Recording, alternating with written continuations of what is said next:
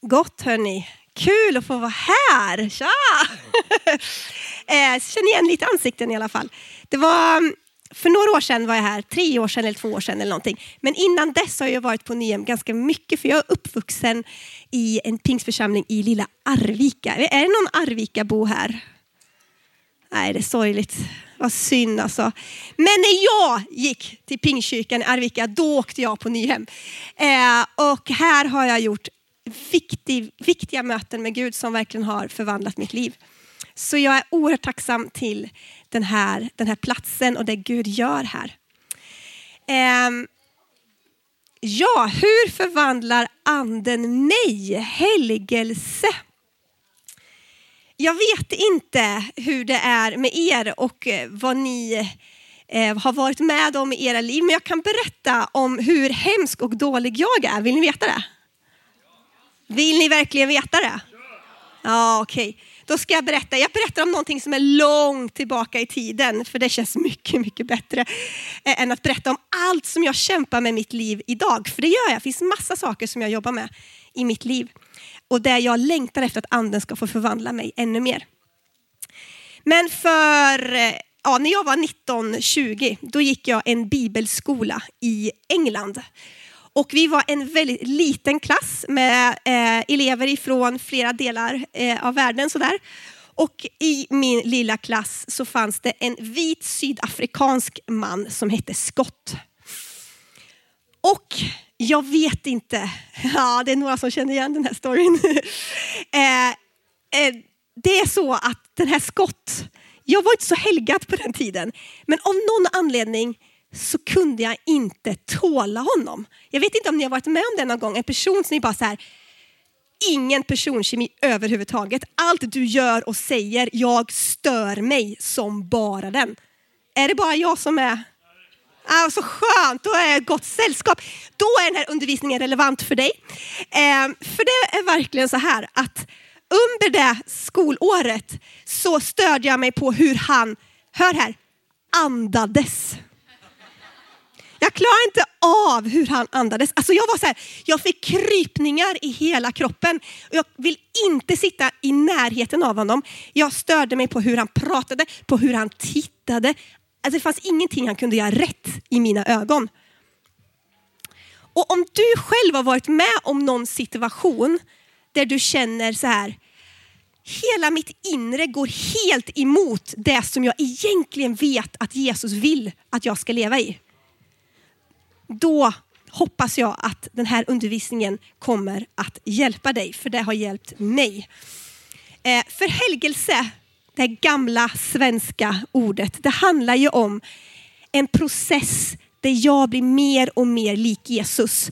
Och allt det där jag kände emot skott, ja det var verkligen inte likt Jesus. Eller hur? Det kan vi vara överens om, eller hur? Yes. Och det finns ju massa saker vi kan säga om helgelse. Eh, och eh, jag önskar jag hade en hel vecka med er, men eh, vi har 30 minuter.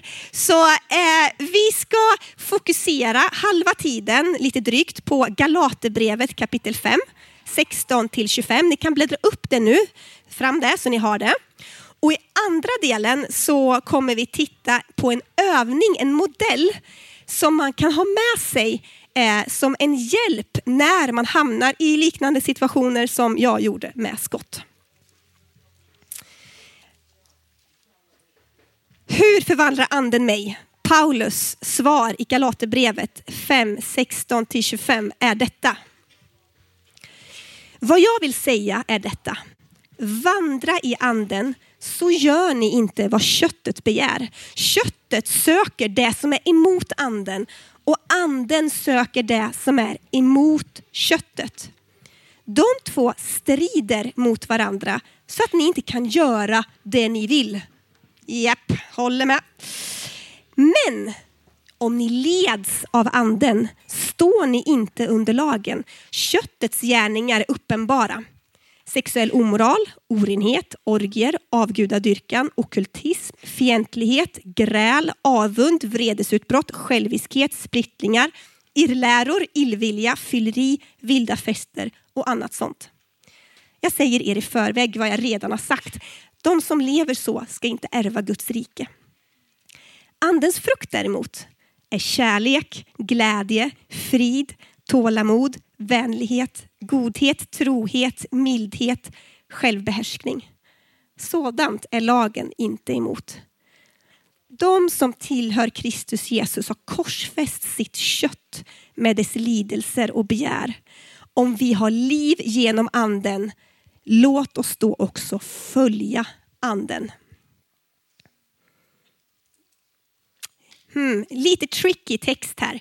Innan vi går in på det här köttet och allt det där.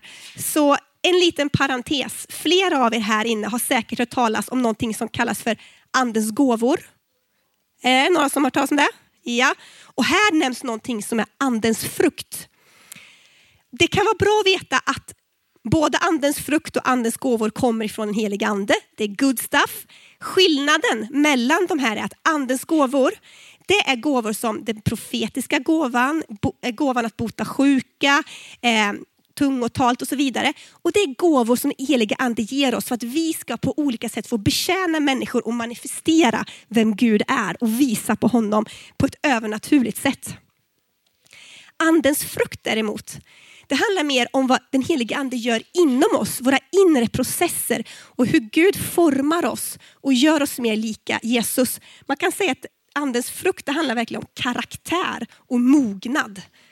Och att bli mer och mer lik Jesus. Och det är den delen av vad anden gör som vi ska prata om idag. Då. Om vi tittar på den här texten så kan vi faktiskt se att Paulus bjuder in oss till en krigsscen. Det är krig. Alltså jag skulle vilja se den här filmen. Hur köttet och anden strider mot varandra. Det skulle vara super exciting att se. Eh, för det är nämligen så att Paulus säger att det finns ett krig som pågår och det pågår inom dig. Det är inte hos din kompis eller hos någon, någon annan, hos din mamma eller sådär. Utan inom dig så finns det ett krig som pågår genom, eh, mellan anden och köttet. Det här har med dig att göra. Eh, och anden, ja men det är en helig ande som vi får som gåva när vi tar emot Jesus och, och ni vet allt det här. Eh, så anden, det hoppas jag att vi har hyfsat koll på nu, för nu har vi haft undervisning i några dagar här om anden. Men köttet, vad är det? Ja, när vi läser den här uppräkningen, illvilja, sexuell omoral och jag menar alla de där orden, så fattar vi att det handlar inte om vilket kött vi ska grilla ikväll, utan det är något annat. Köttet, så som Bibeln beskriver det, det är det som finns kvar i oss, den gamla människan, det som eh, finns i oss som naturligt vill göra grejer som inte motsvarar Guds vilja. Som inte är gott, som inte liknar Jesus. Eh,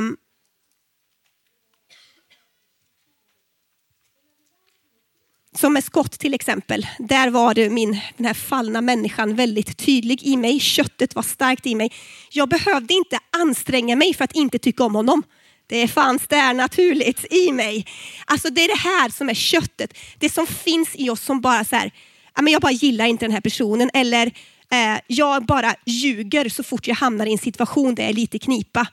Eller jag ehm, flörtar med fem tjejer samtidigt för att jag, det kan inte räcka med en. Nej, ni fattar. Det här som bara får oss att impulsivt göra saker som inte är i linje med Guds vilja. Ehm, och det här, anden har förklarat krig mot köttet. När du tar emot den helige ande, då är det krig. För då säger anden, det där köttet, det ska korsfästas det ska dö. Det ska inte ha liv i dig.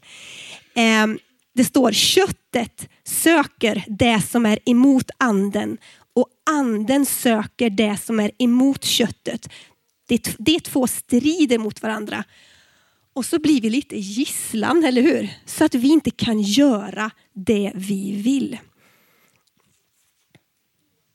Och det var så jag upplevde med skott. Jag kunde inte kunde inte hålla mig. Alltså jag bara avskydde honom. Alltså det är hemskt. Alltså jag, jättehemskt.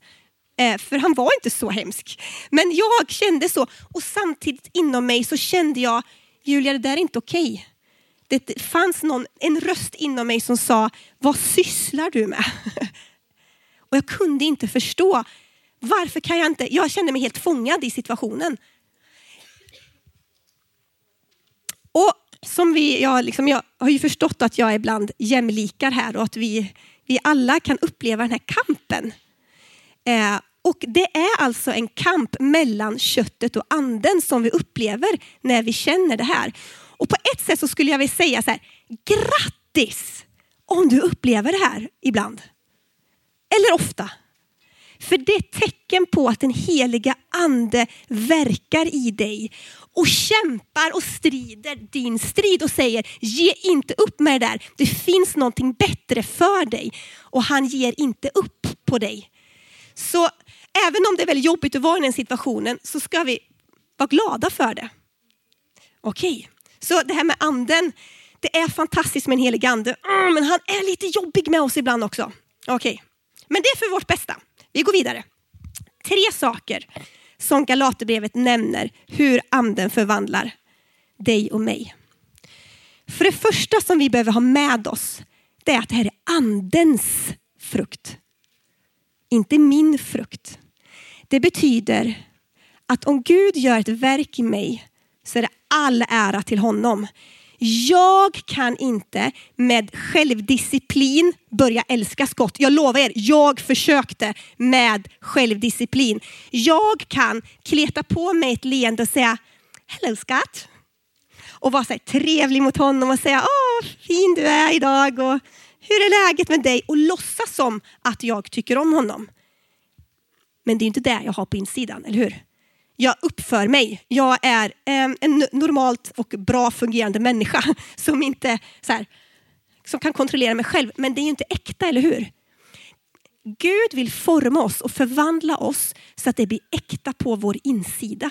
Och Det här kan bara anden göra. Det första du och jag behöver göra är att inse att vi är totalt beroende av den helige ande för att bli förvandlade. Du kan inte med några själv, liksom, någon självhjälp liksom, fixa dig själv och det i dig, ditt kött, det som är trasigt i dig, det som leder dig vilse. Du behöver hjälp och det är bara den heliga ande som kan hjälpa dig. Och Då kan man ju tänka så här, oh fett nice! Den heliga ande bara gör det här i mig och så lutar vi oss tillbaka och bara så här, mm, bara gör det, bara gör det. Och så tänker man att ja, han tar väl tag i det när han känner för det. Eller? Ja. Nej, nej, nej, det säger inte Paulus. Tre versar. Vers 16. Vad jag vill säga är detta, vandra i anden så gör ni inte vad köttet begär. Vers 18. Men om ni leds av anden står ni inte under lagen. Och vers 25. Om vi har liv genom anden, låt oss då också följa anden. Här är massa uppmaningar att följa, att ledas av. Att jag kan inte luta mig tillbaka och vara passiv. Man kan tänka sig anden, anden förvandlar mig och bara gör det här i mig. Nej, nej, nej. Vi behöver haka på i det som anden gör i våra liv. Så när jag känner att den här kampen uppstår inom mig, då är det bara, mm, anden är på väg att göra någonting. Jag har två val. Antingen dissar jag anden och skiter i det, eller så följer jag anden och leds av honom och säger, hmm, jag märker att det är någonting här som du vill att jag ska göra upp med, någonting jag ska korsfästa. Är ni med? Eh, och det här, det här kan ju liksom kännas lite jobbigt. Jag vet inte hur det är med dig, men allting som heter prestation är ju någonting som jag kämpar jättemycket med. När jag känner att Åh, jag måste göra det här. Och det är jättehemskt när prestation kopplas samman med vår tro. Och det är inte vad Paulus vill säga här. Det är ju tvärtom. Alltså det som han argumenterar om i hela det här brevet är det här med lagen, att följa lagen och lag, lagens gärningar och så vidare. Det blir en slags yttre prestation som du behöver prestera för att Gud ska älska dig, för att du ska vara med. Men det Paulus säger här, det är eh, tvärtom. Det är anden som gör det i dig och du får ingå i hans team och samarbeta med honom och göra upp med saker i ditt liv som inte är bra för dig och som inte är i linje med Guds vilja. Så om du känner bara så här, åh fy vad jobbigt, behöver jag ta tag i saker i mitt liv och följa anden när jag känner den här kampen? Så vill jag påminna dig om att det är goda grejer. Det är för din frihet. Eh, och tro innebär att följa Jesus och vara en lärjunge. Det innebär faktiskt också en form av där vi får offra saker och där saker är lite jobbiga ibland. Det är inte bara så här, eh, en dans på rosor. Eller okej, okay, jag brukar säga att det är en dans på väldigt eh, taggiga rosor i sånt fall. Det är kul men det gör ont. Så. Nummer tre. Vers 24. De som tillhör Kristus Jesus har korsfäst sitt kött med dess lidelser och begär. Visste du det? Att när du tog emot Jesus, det här köttet som vill göra alla de här grejerna som du kämpar med. Det blev korsfäst, dödat, hängt på ett kors. Ja, men hur hänger det ihop? Jag lever ju fortfarande med det här. Det känns ju inte som att det var liksom dåtid. Jag kämpar ju kampen nu. Ja, vi gör det. För det är så att det tar tid för oss att förstå att vår gamla människa är korsfäst. Det är så lätt att vi liksom går till korset och så bara, mm, jag ska bara plocka ner lite avundsjuka här ett tag. För jag känner att jag vill vara avundsjuk nu ett tag på den här personen. Eller jag ska bara plocka ner lite avsky mot skott. Eh, att vi liksom tar tillbaka det som Jesus har gjort för oss. Jag vet det var en som tog en, sa en jag har hört den här bilden på flera olika sätt, men att, att bli helgad, det är som att eh, en, ni vet någon som skulpterar, eh, så här, eh, så var någon som tog en, någon som skulle skulptera en elefant, säger vi. Eh, och så frågar en, en kille honom, skulptören, men hur gör du för att få fram en elefant ur det här stora, stora blocket som du liksom hugger ur det nu? Och då sa han, jag tar bara bort det som inte är elefant. Hängde ni med? Stort block, det ska ut en elefant ur det. Hur gör du? Jag tar bara bort det som inte är elefant. Och det är lite det som är helgelse, eh, som, som Paulus pratar om. att När du tog emot Jesus så blev du en ny skapelse. Det där gamla, det är korsfäst. Det, det, är inte, det är inte ditt längre. Han har tagit det på sig. Men nu formar han dig och mejslar och liksom, ta bara ta bort det som inte är du längre. Är ni med?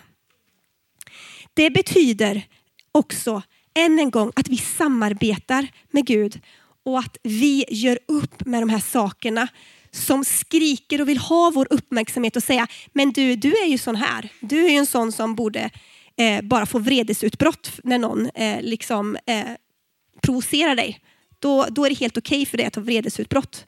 Bara, nej, det säger inte Bibeln. Är man en lärjunge till Jesus så säger man, just det, det är inte vem jag är längre. Jag har ett nytt liv. Nu måste jag korsfästa det här. Jag gör upp med det, bort med det. Och så ber jag den helige ande att fylla mig. Bara, kom med din frid, kom med självbehärskning, kom med godhet och mildhet i de här situationerna istället.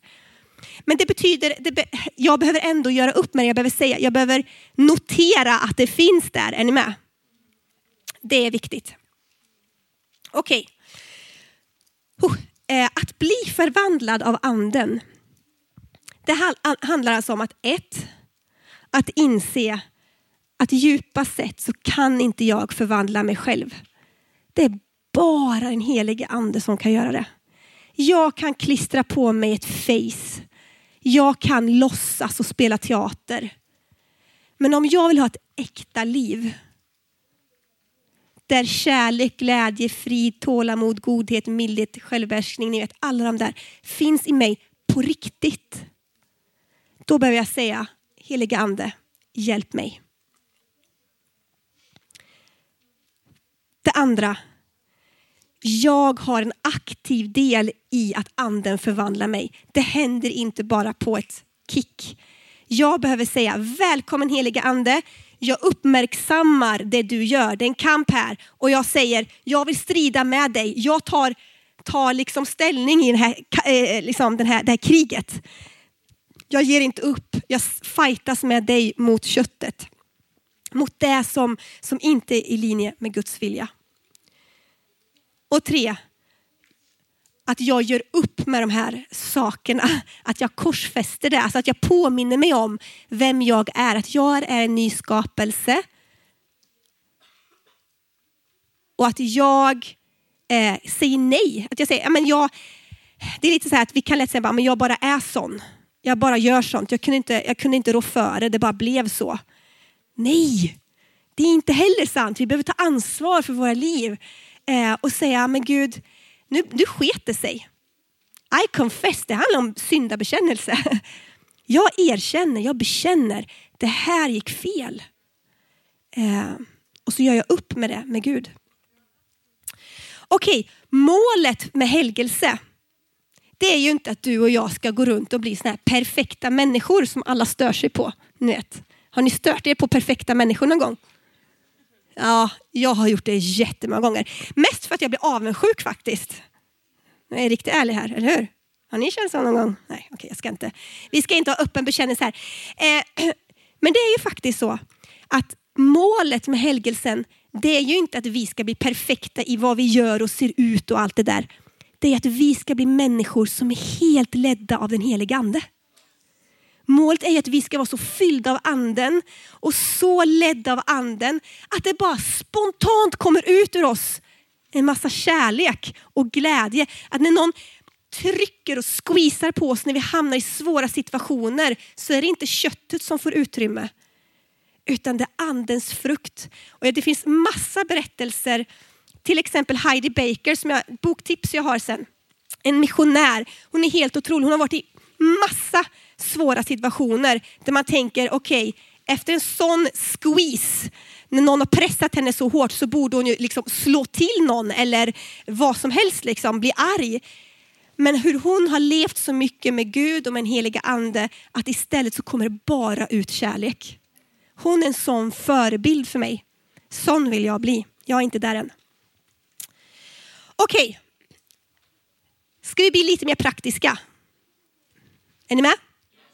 Praktiska. Bra. Då ska vi, för man kan ju tycka så här, ja men det här är ju bra. Good stuff. Men hur gör jag det här rent praktiskt? När jag står i den här brottningskampen. När jag står där framför skott och bara Åh, jag kan inte älska dig. Vad gör jag? Okej, okay, okay, jag ska bjuda in en helig ande. Ja, men mer då? Jag kommer presentera en liten eh, modell eller, eller liksom ett sätt som man kan samarbeta med en helig ande. Eh, och det finns massa sätt man kan samarbeta med en helig ande. Alltså, så det här är bara ett av dem. Men jag tycker att det passar väldigt bra just för att vi är i Galaterbrevet också och där vi pratar mycket om, om frukt, frukt i våra liv. Så vi ska titta på ett träd med frukt. Vi kan ta fram trädet. Oh, ja, vi kan backa ett steg. Eh, ett träd med rötter. Och anledningen till att vi tittar på det här nu, det är så här. Att när jag kände det här med skott så kan man tänka så här, okej, okay, Problemet är att eh, jag känner äckel och avsky och vill inte ha med honom att göra. Jag måste åtgärda det problemet och sätta upp massa strategier för hur jag inte ska känna det här. Det blir väldigt svårt och det blir väldigt på ytan.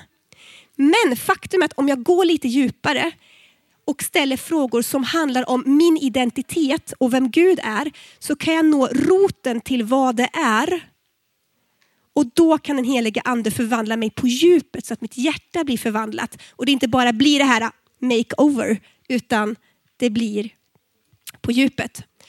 Så vi ska titta på det här trädet och så ska vi ställa oss eh, tre frågor. Vem är jag? Vad tänker jag om mig själv i den här situationen? Vem, eh, vad gör Gud? Var är han i den här situationen? Och tre, vem är Gud? Vem är han i den här situationen som jag går igenom? Så nu ska vi göra det på eh, mitt case här då, eh, Scott. Alltså det skulle vara spännande att höra vilken bild ni har av honom efter. eh, Okej. Okay. Eh, vi får backa. Nu är vi på eh, fel. Nu är vi på lösningen. Här, nu, mycket bättre. Tack. Eh, vad var det för frukt som jag såg i mitt liv när, i relation till skott? Irritation, äckel och avsky och jag var väldigt, väldigt dömande, eller hur? Det, det var inte alls kärlek, glädje, frid. Det kan vi konstatera. Det var väldigt mycket kött kan man säga. Vem är jag i den här situationen? Och nu, nu kommer vi till det svåra. Nu handlar det om att bjuda in den heliga ande och vara superärlig med vad det är egentligen som pågår på min insida. Och jag insåg att det som pågick på min insida var att jag tänkte, jag är i alla fall bättre än Scott. För jag andas inte som han gör. Jag pratar inte som han gör. Eh, jag tittar inte så som han tittar. Jag är ändå lite bättre än honom. Faktum är att egentligen så borde han inte vara med i den här skolan överhuvudtaget. Jag menar, titta på hur hans andliga liv ser ut. Det är ju kaos. Han klassar inte, han passar liksom inte in. Han har nog hamnat lite fel. Jag tänkte så, jag satte mig över honom och tyckte att jag var lite bättre än honom. Om jag ska vara riktigt ärlig. Jag säga, han toppade liksom inte bibelklassen om man säger så här. Han fick den att sjunka tyckte jag. Så bort med honom. Och samtidigt så tänkte jag, Julia vilken hemsk människa du är. Hur kan du tänka så om en annan människa? Och du ska gå på bibelskola! Och typ så här, lära dig massa om Gud. Och så går du runt och tänker och känner sådana här saker. Jag kände mig oerhört misslyckad. Jag var besviken på mig själv. Prestation. Ja, jag kände massa prestationskrav att jag borde fixa det här. Jag borde kunna älska honom. Vad gör Gud då? Var är han i den här situationen? Ja, han gör ju ingenting. Det är ju uppenbart. Var är han? Jag kände det som att han sitter och tittar på och bara undrar, Julia, hur ska du lösa det här nu?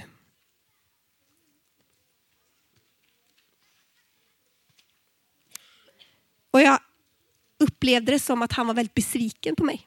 Jag skämdes och att han skämdes över mig. Så jag tänkte så här, han drar sig undan ifrån mig. Mitt bibelskolår kommer gå åt skogen. Han har dragit sig undan för jag kan inte älska skott. Och då vill jag att ni ska veta att det upptog faktiskt ganska mycket av min energi på lektionerna. Eh, så det var ingen liten grej för mig. Alltså. Så. Vem är Gud då? Ja, men han är passiv.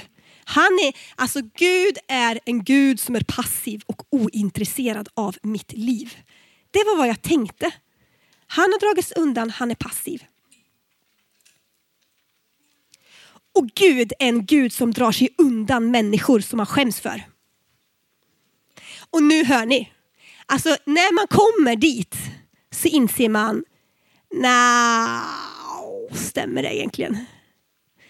Det är då man inser, och det är då jag insåg, nej men vänta lite nu, den Gud jag läser om i Bibeln, han är inte alls sån.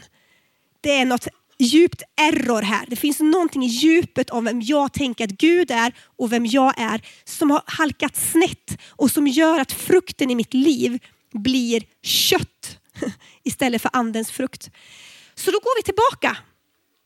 Men vänta då, vem är Gud? Ja, men jag vet ju att Gud är kärlek. Det är ju den han är. Och jag vet att han förkastar ingen som kommer till honom. Han stänger ingen ute som springer till honom. Jag vet att det är sant för det står svart på vitt i den här boken.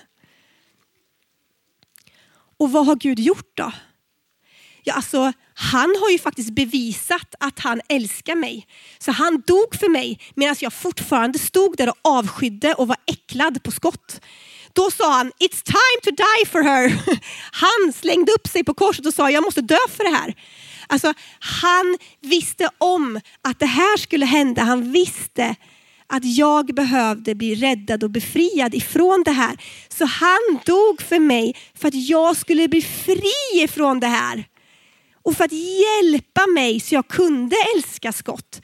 Det är det han har gjort när han dog på korset för mig. Och då inser jag också att den här brottningskampen som jag redan nämnt inom mig, den är ju inte tecken på att jag är dålig. Det är ju tecken på att anden verkar i mig. Han har gett mig en heliga ande och nu känner jag att den heliga ande vill prata med mig om någonting. Det förändrade hela, hela situationen. Och vem är jag då? Ja, men jag är ju inte en person som dömer andra och som tycker att jag är bättre än andra. Egentligen. Egentligen så vet jag att Gud älskar mig och han älskar skott. Eh, och jag vet att Gud står med mig i den här kampen. Jag är en sån där person som han har fyllt med sin heliga ande som heter hjälparen. Han har gett mig en hjälpare. För han vet att jag är en sån där person som behöver en hjälpare. Är ni med? Och efter att jag har gått igenom, och nu, det är ju inte så att det här går punkt efter punkt så här. Det går ju lite upp och ner och fram och tillbaka. Men det här är reflektioner kring vem Gud är och vem jag är som kan hjälpa mig att få upp ögonen för vad är det för ett krig jag krigar egentligen.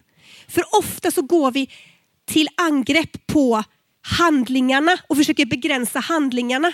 Men det är på djupet av hjärtat som vi behöver gå. Så, nu går vi mot avslut. Jag ska bara berätta vad som hände i relation till skott. Vill ni veta det? Och jag ska inte börja gråta för jag blir lite emotional varenda gång jag tänker på det här. För det är så stort det den helige ande gjorde i mig. Jag tog tid där jag bad för honom och jag fastade också gjorde jag. Och under den tiden, för jag var så här, jag måste göra upp med det här. Jag kan inte, det här kan inte fortgå liksom. Det kommer döda mitt år. Så det jag gjorde att jag bad och jag fastade för honom. Och under den perioden så fick jag se, Gud visade mig bilder av hur han såg på skott. Det var riktigt starka bilder. Och jag liksom fick känna Guds kärlek till honom. Och i, i det, i min bön när jag, när jag var med Gud i det, så gav han mig ett bibelord till honom som han sa, så det här ska du ge till skott. Och jag kände bara så här, ska jag verkligen göra det här? Kan jag ge det på ett ärligt sätt? Liksom? Eh, och tänkte liksom så här, så kommer jag tillbaka och ah, säger, nu ska jag visa hur bra jag är. Jag får ett bibelord, jag har bett för dig Scott. Ni vet, och så försöker man vara jätteandlig. Eh, fast i själva verket så var det inte alls så. Så jag fick kämpa lite med det, men jag gav honom bibelordet. Och när jag gav honom det så började han storgråta. Och så sa han, eh, du anar inte hur mycket det här betyder för mig. Eh, och när året var slut så tog han fram sin plånbok. Det var den tiden man fortfarande hade plånböcker. Eh, och så tog han upp den här lappen som jag hade skrivit bibelordet på. Och så sa han, den här har jag burit med mig ända sedan den dagen du har gett mig och jag läste varenda dag. Det som hände var att anden förvandlade mig. Jag kunde faktiskt börja känna kärlek till honom på riktigt. Och jag visste, det här är inte min kärlek, det här är Guds kärlek. Och det som var så häftigt var att det här förvandlade ju inte bara mig. Det gjorde ju någonting med honom. Och det är ju sån Gud är. Han är så överflödande hela tiden. Så när anden gör någonting i oss så bara drar han med massa andra människor in i det. Han är så awesome! Eller en applåd till den heliga ande.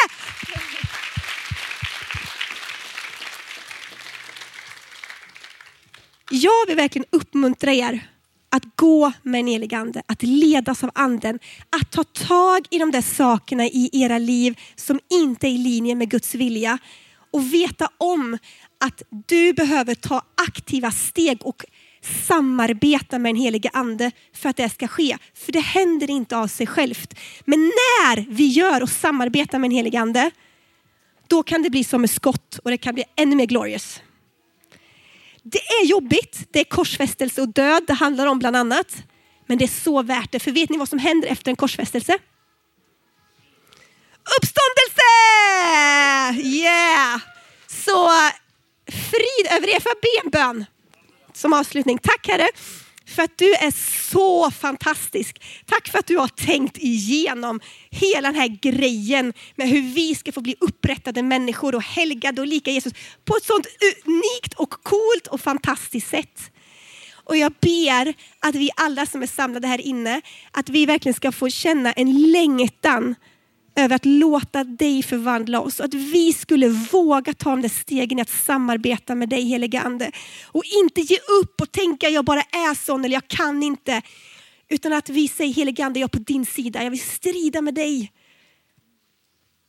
Och sänd människor i vår väg som vi kan stå liksom axel mot axel med i våra kamper. Amen.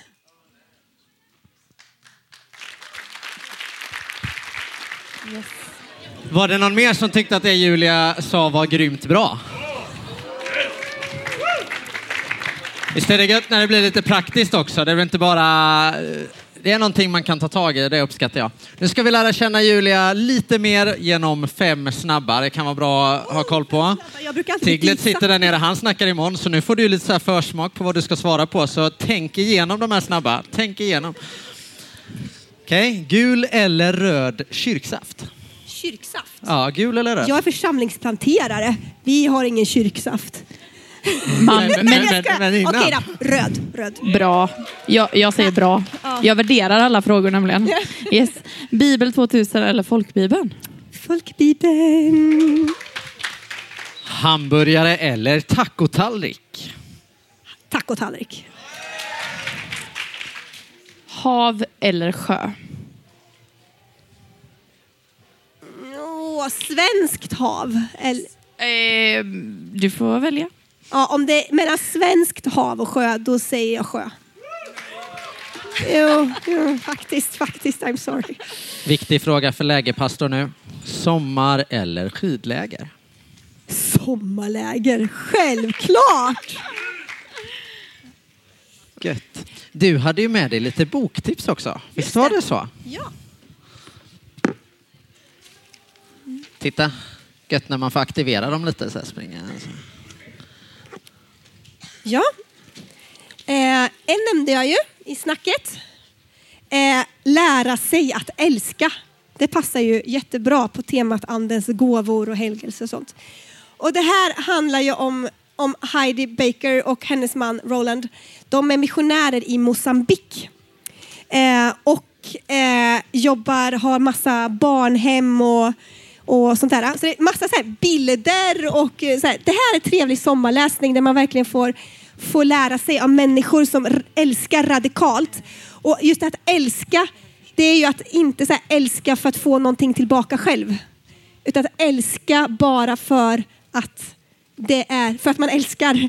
Ofta eh, vill vi ju ha tillbaka något av människor, men de här människorna lever utan att liksom vilja ha någonting tillbaka. De är coola Sen om man vill jobba med sitt inre, jag älskar att jobba med sådana här inre bitar väldigt mycket.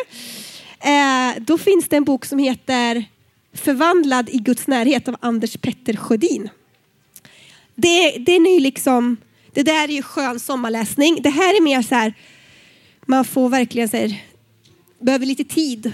Alltså jag läste inte den här på en kväll så, utan det tog tid. Um, och den handlar jättemycket om hjärtats förnyelse, den ger tips på olika andliga övningar och ja, den är jättebra. Ehm, alltså det är ju så att helgas, att läsa Guds ord, att be, att vara Guds närvaro, lovsång, tillbe, alla de här sakerna formar oss ju väldigt mycket. Och där ger den också väldigt många bra tips på hur man kan göra det. Mm. Ja, jag tror jag tar de två. Du, du, är nöjd? Ja. ja. Men du hade en hel påse med böcker? Ja, alltså jag älskar att läsa böcker. Så, så man kan komma om man vill ha fler tips? Då, helt enkelt. Jättebra. Yes, alltså vi får in massa frågor här. Det är jättekul. Och fortsätt gärna skicka under eh, tiden här. Ehm, och men eh, en fråga då som har kommit lite i olika varianter är eh, både hur ditt första möte var med helig ande men också typ hur kan man känna den heliga andens närvaro. Yeah.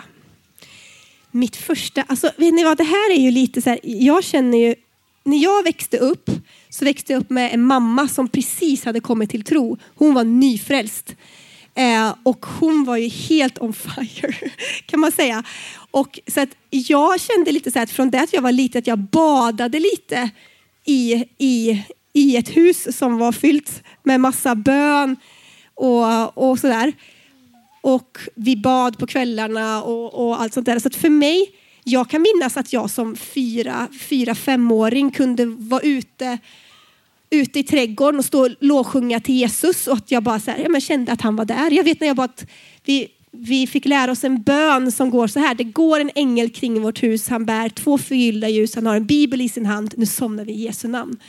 Och då var jag alltid så här, jag var direkt där och såg den här ängeln gå runt vårt hus. Och jag var direkt inkopplad i det. Liksom, att jag var med i den bönen. Så för mig så, alltså, anden har varit väldigt naturligt för mig.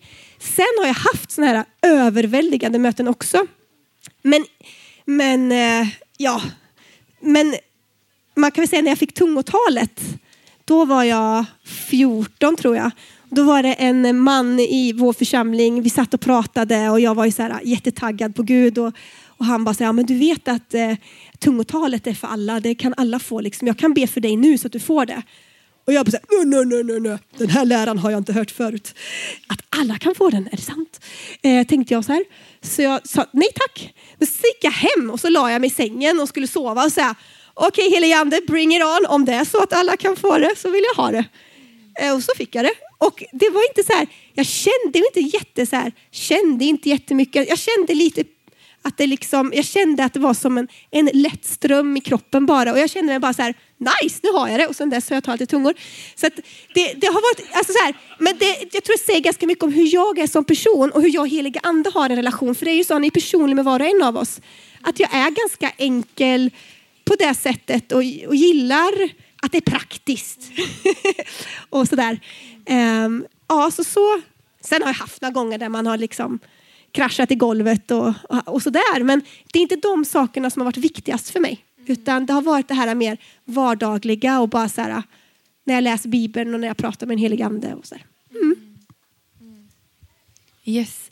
Um, vi får ganska mycket, eh, mycket frågor typ kring liknande upp upplevelser från det som du berättar med Skott, att man kanske stör sig på någon i skolan eller att man känner sig avundsjuk eller liksom, ja men hur, hur hanterar man när man börjar komma i någon slags dålig frukt liksom? Hur, hur kan man hantera det? Har du något liksom så här, du gav ju bra tips, men har du något extra och sista liksom bra tips? Och du får också gärna ge bra tips eh, Simon, för det vet jag att du kan. Men alltså jag tänker, bara man är där så har man redan gjort första steget, att man inser att alltså det här är ju inte bra frukt. Liksom. Eh, och att bekänna det, alltså bekännelse är så starkt. Och att säga till Gud att jag bekänner att den här avundsjukan, det är synd. Det är inte bra grejer.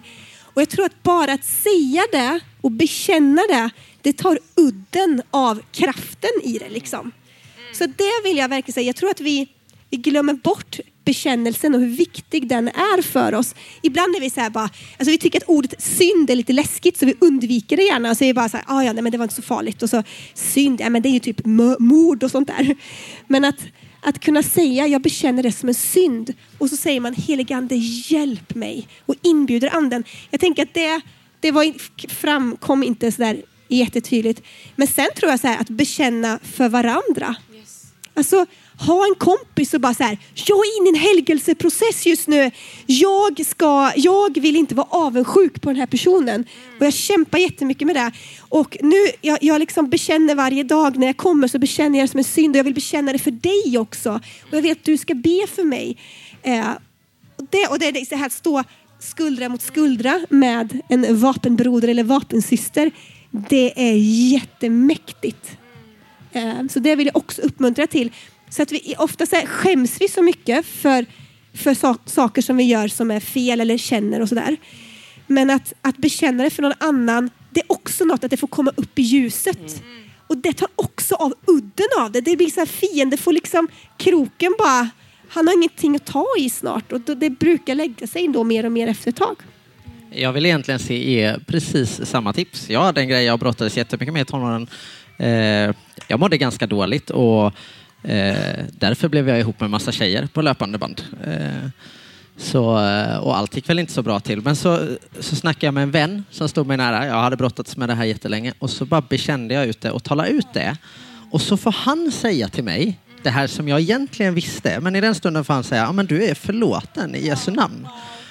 Och då när han sa det så var det som att det här som är verkligt blev verkligt.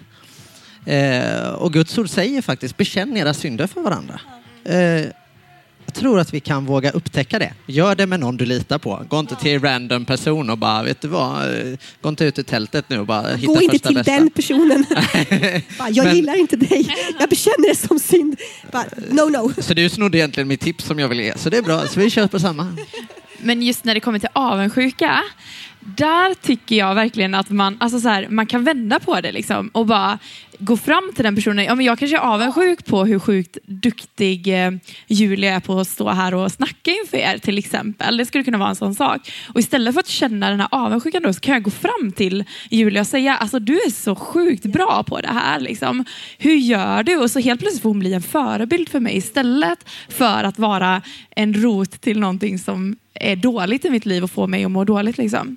Så Det där var ett jättebra tips. Det där tror jag stenhårt på. Mm. Gå i motsatt, motsatt ande. Ja, Liksom. Ja. ja, precis.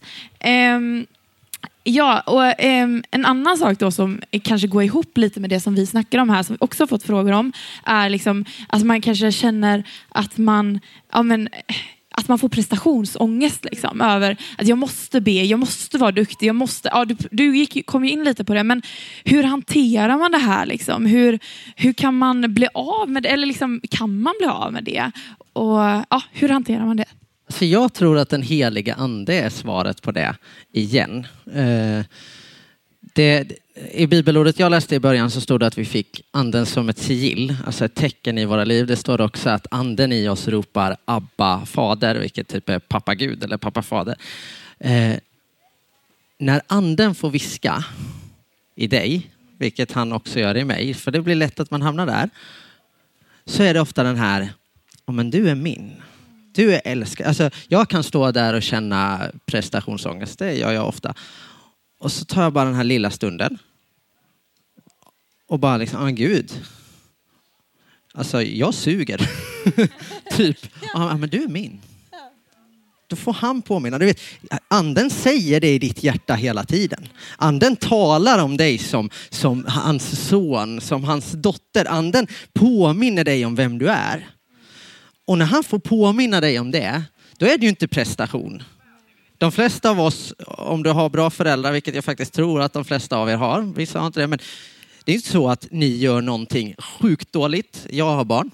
De gör eh, jobbiga grejer ibland alltså. Eh, min son så här häromdagen, det här är inte en jättejobbig grej, jag har en tvååring. Så här, jag tog lite sovmorgon, det kan vara gött. Jag har varit lite föräldraledig. Så här. Alla tre barnen är nere, de tittar på sommarlov och jag vaknar av, det här är två dagar innan Nyhem, jag vaknar av Pappa! Eli har tagit av sig blöjan med bajs i! Liksom så här. Just i det läget så, det är, det är ett tvåbarnsproblem liksom. Jag, jag tror att tonårsföräldrar känner ibland att alltså, bajsblöja på golvet, det var en grej. Eh, det här min unge gör nu, men han är min son. Han är, alltså jag skulle göra vad som helst för mina barn. Och då vet jag att jag är långt ifrån hur bra Gud är. Men anden i dig får säga, du är hans son, du är hans dotter. Och då kan du släppa prestationen. Ja. Så det är den här stilla, bara, ja. Yes. Men jag tänker bara också det här med, men vad är, eh, alltså vi, jag skulle nästan säga att vi har eh, fostrat fram någon slags överkänslighet mot eh, allt sånt som har att göra med att saker som vi måste göra. Att det är som att vi lever i en generation, hej, eh, där, där, där vi, vi vill ju göra sånt som vi känner för, eller hur? Och allt sånt som vi ska göra som vi inte känner för, prestation, prestation, nej det här är inte från Gud. Och jag tror att vi behöver också vara medvetna om vilken tid vi lever i. Och att vi är fostrade att vara en generation som gör det vi känner för. Eh, och att det är också en fråga vi måste hantera i vårt lärjungaskap. För att varje tid har sina bekymmer, vad som utmanar lärjungaskapet. Och Jesus sa ju faktiskt det är att det är inte det är inte alltid skönt att följa honom. Han pratar om att varje dag ta sitt kors och följa honom. Det är ganska tungt.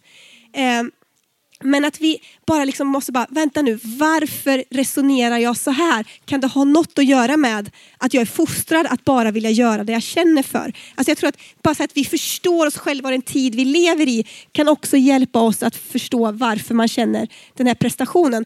Sen vill jag bara säga så här, när prestation handlar om att jag gör det här för att jag ska bli älskad. Det är då vi måste göra den här resan. Vem är jag? Vem är Gud? Precis det som Simon säger, så sjukt viktigt. Eh, men jag kan känna att det är prestation att varje dag läsa Bibeln och be ibland. För jag känner inte alltid för det. Och då tar det emot. Men när jag gör det här uthålligt varje dag, år efter år, så blir det inte lika jobbigt till slut. Jag måste vinna de där segrarna på något sätt. Eh, och det finns alltid en vinst på andra sidan. Jag tror man också kommer ihåg att när jag utkämpar en kamp och för Bibeln pratar mycket om att disciplinera sig själv, alltså disciple. Det är det ordet lärjunge på engelska. Alltså vi måste på något sätt omfånga det, liksom ta in det i vår relation med Gud också. Utan att det blir lagiskt.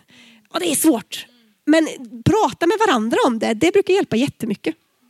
När jag gick på bibelskola så sa alltid eh, en lärare att det tar tre månader att skapa en vana. Och eh, det, under de tre månaderna så kommer det här vara kanske jobbigt att ha en vana att läsa Bibeln varje dag. Liksom. Men eh, när du får in vanan så blir alltså det är någonting som lossar. Så disciplin, alltså jag, jag tror också på det. Liksom. Och, eh, ja, att kanske inte jämföra sig så mycket med alla andra. Liksom. Jämförelse är en så sjuk förbannelse. Jag, jag gick hem med en annan ledare igår, just från så här, eh, nattmötet som var grymt igår. Eh, och så snackade vi lite om hur, hur det ofta blir, och, och, den här reaktionen kan man ofta få. Liksom. Ja, men varför lovsjunger du så passionerat? Och, och, och det, jag ska säga en sak, vi känner inte alltid för det. Men det är när vi ändå har beslutat oss för att göra det, för Gud är värd lovsång. Gud är värd att vi lyfter honom. Då händer grejer. Du vet när jag går emot det som jag känner så är det som att det kan också bryta igenom. Så det är inte alltid så att en ledare som, eller någon som du tycker, oh wow vad den lovsjunger passionerat, det är inte säkert att den känner för dig i stunden. Men så händer någonting. Och det här, jag tror att vi underskattat vikten av beslut i vår tid. Vi ska känna så mycket hela tiden. Men vet ni, vi ska besluta massa grejer också. Det är så i massa grejer. Ja, jag älskar min fru. Jag har inte alltid fjärilar i magen. What? Ah! Men jag har beslutat mig för att jag ska stå på hennes sida no matter what. Vi ska stå tillsammans oavsett. Ni vet, det är ett beslut. Och vi måste våga ta beslut och stå för dem. Och det är tufft ibland, men det bryter också igenom. Och de där fjärilarna i magen kommer tillbaks. Julia, har du och Scott fortfarande kontakt med varandra? Nej, vi har inte det. Men jag funderar på om vi inte borde ha en reunion snart. Eh, men eh, nej, tyvärr inte. Tyvärr inte.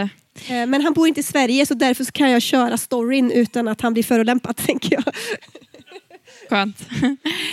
um, jag tror att vi får gå in. Det kommer jättemycket frågor och väldigt många är bra och vi önskar verkligen att vi hade tid för allihopa. Um, men om man verkligen vill ha tungotalet och man liksom har gått fram till förbön, man är kristen, men det händer liksom ingenting. Eh, varför tror du att det är så? Och ja, men Den här personen skriver också att det känns som prestation liksom, i det. Några tips? Tankar?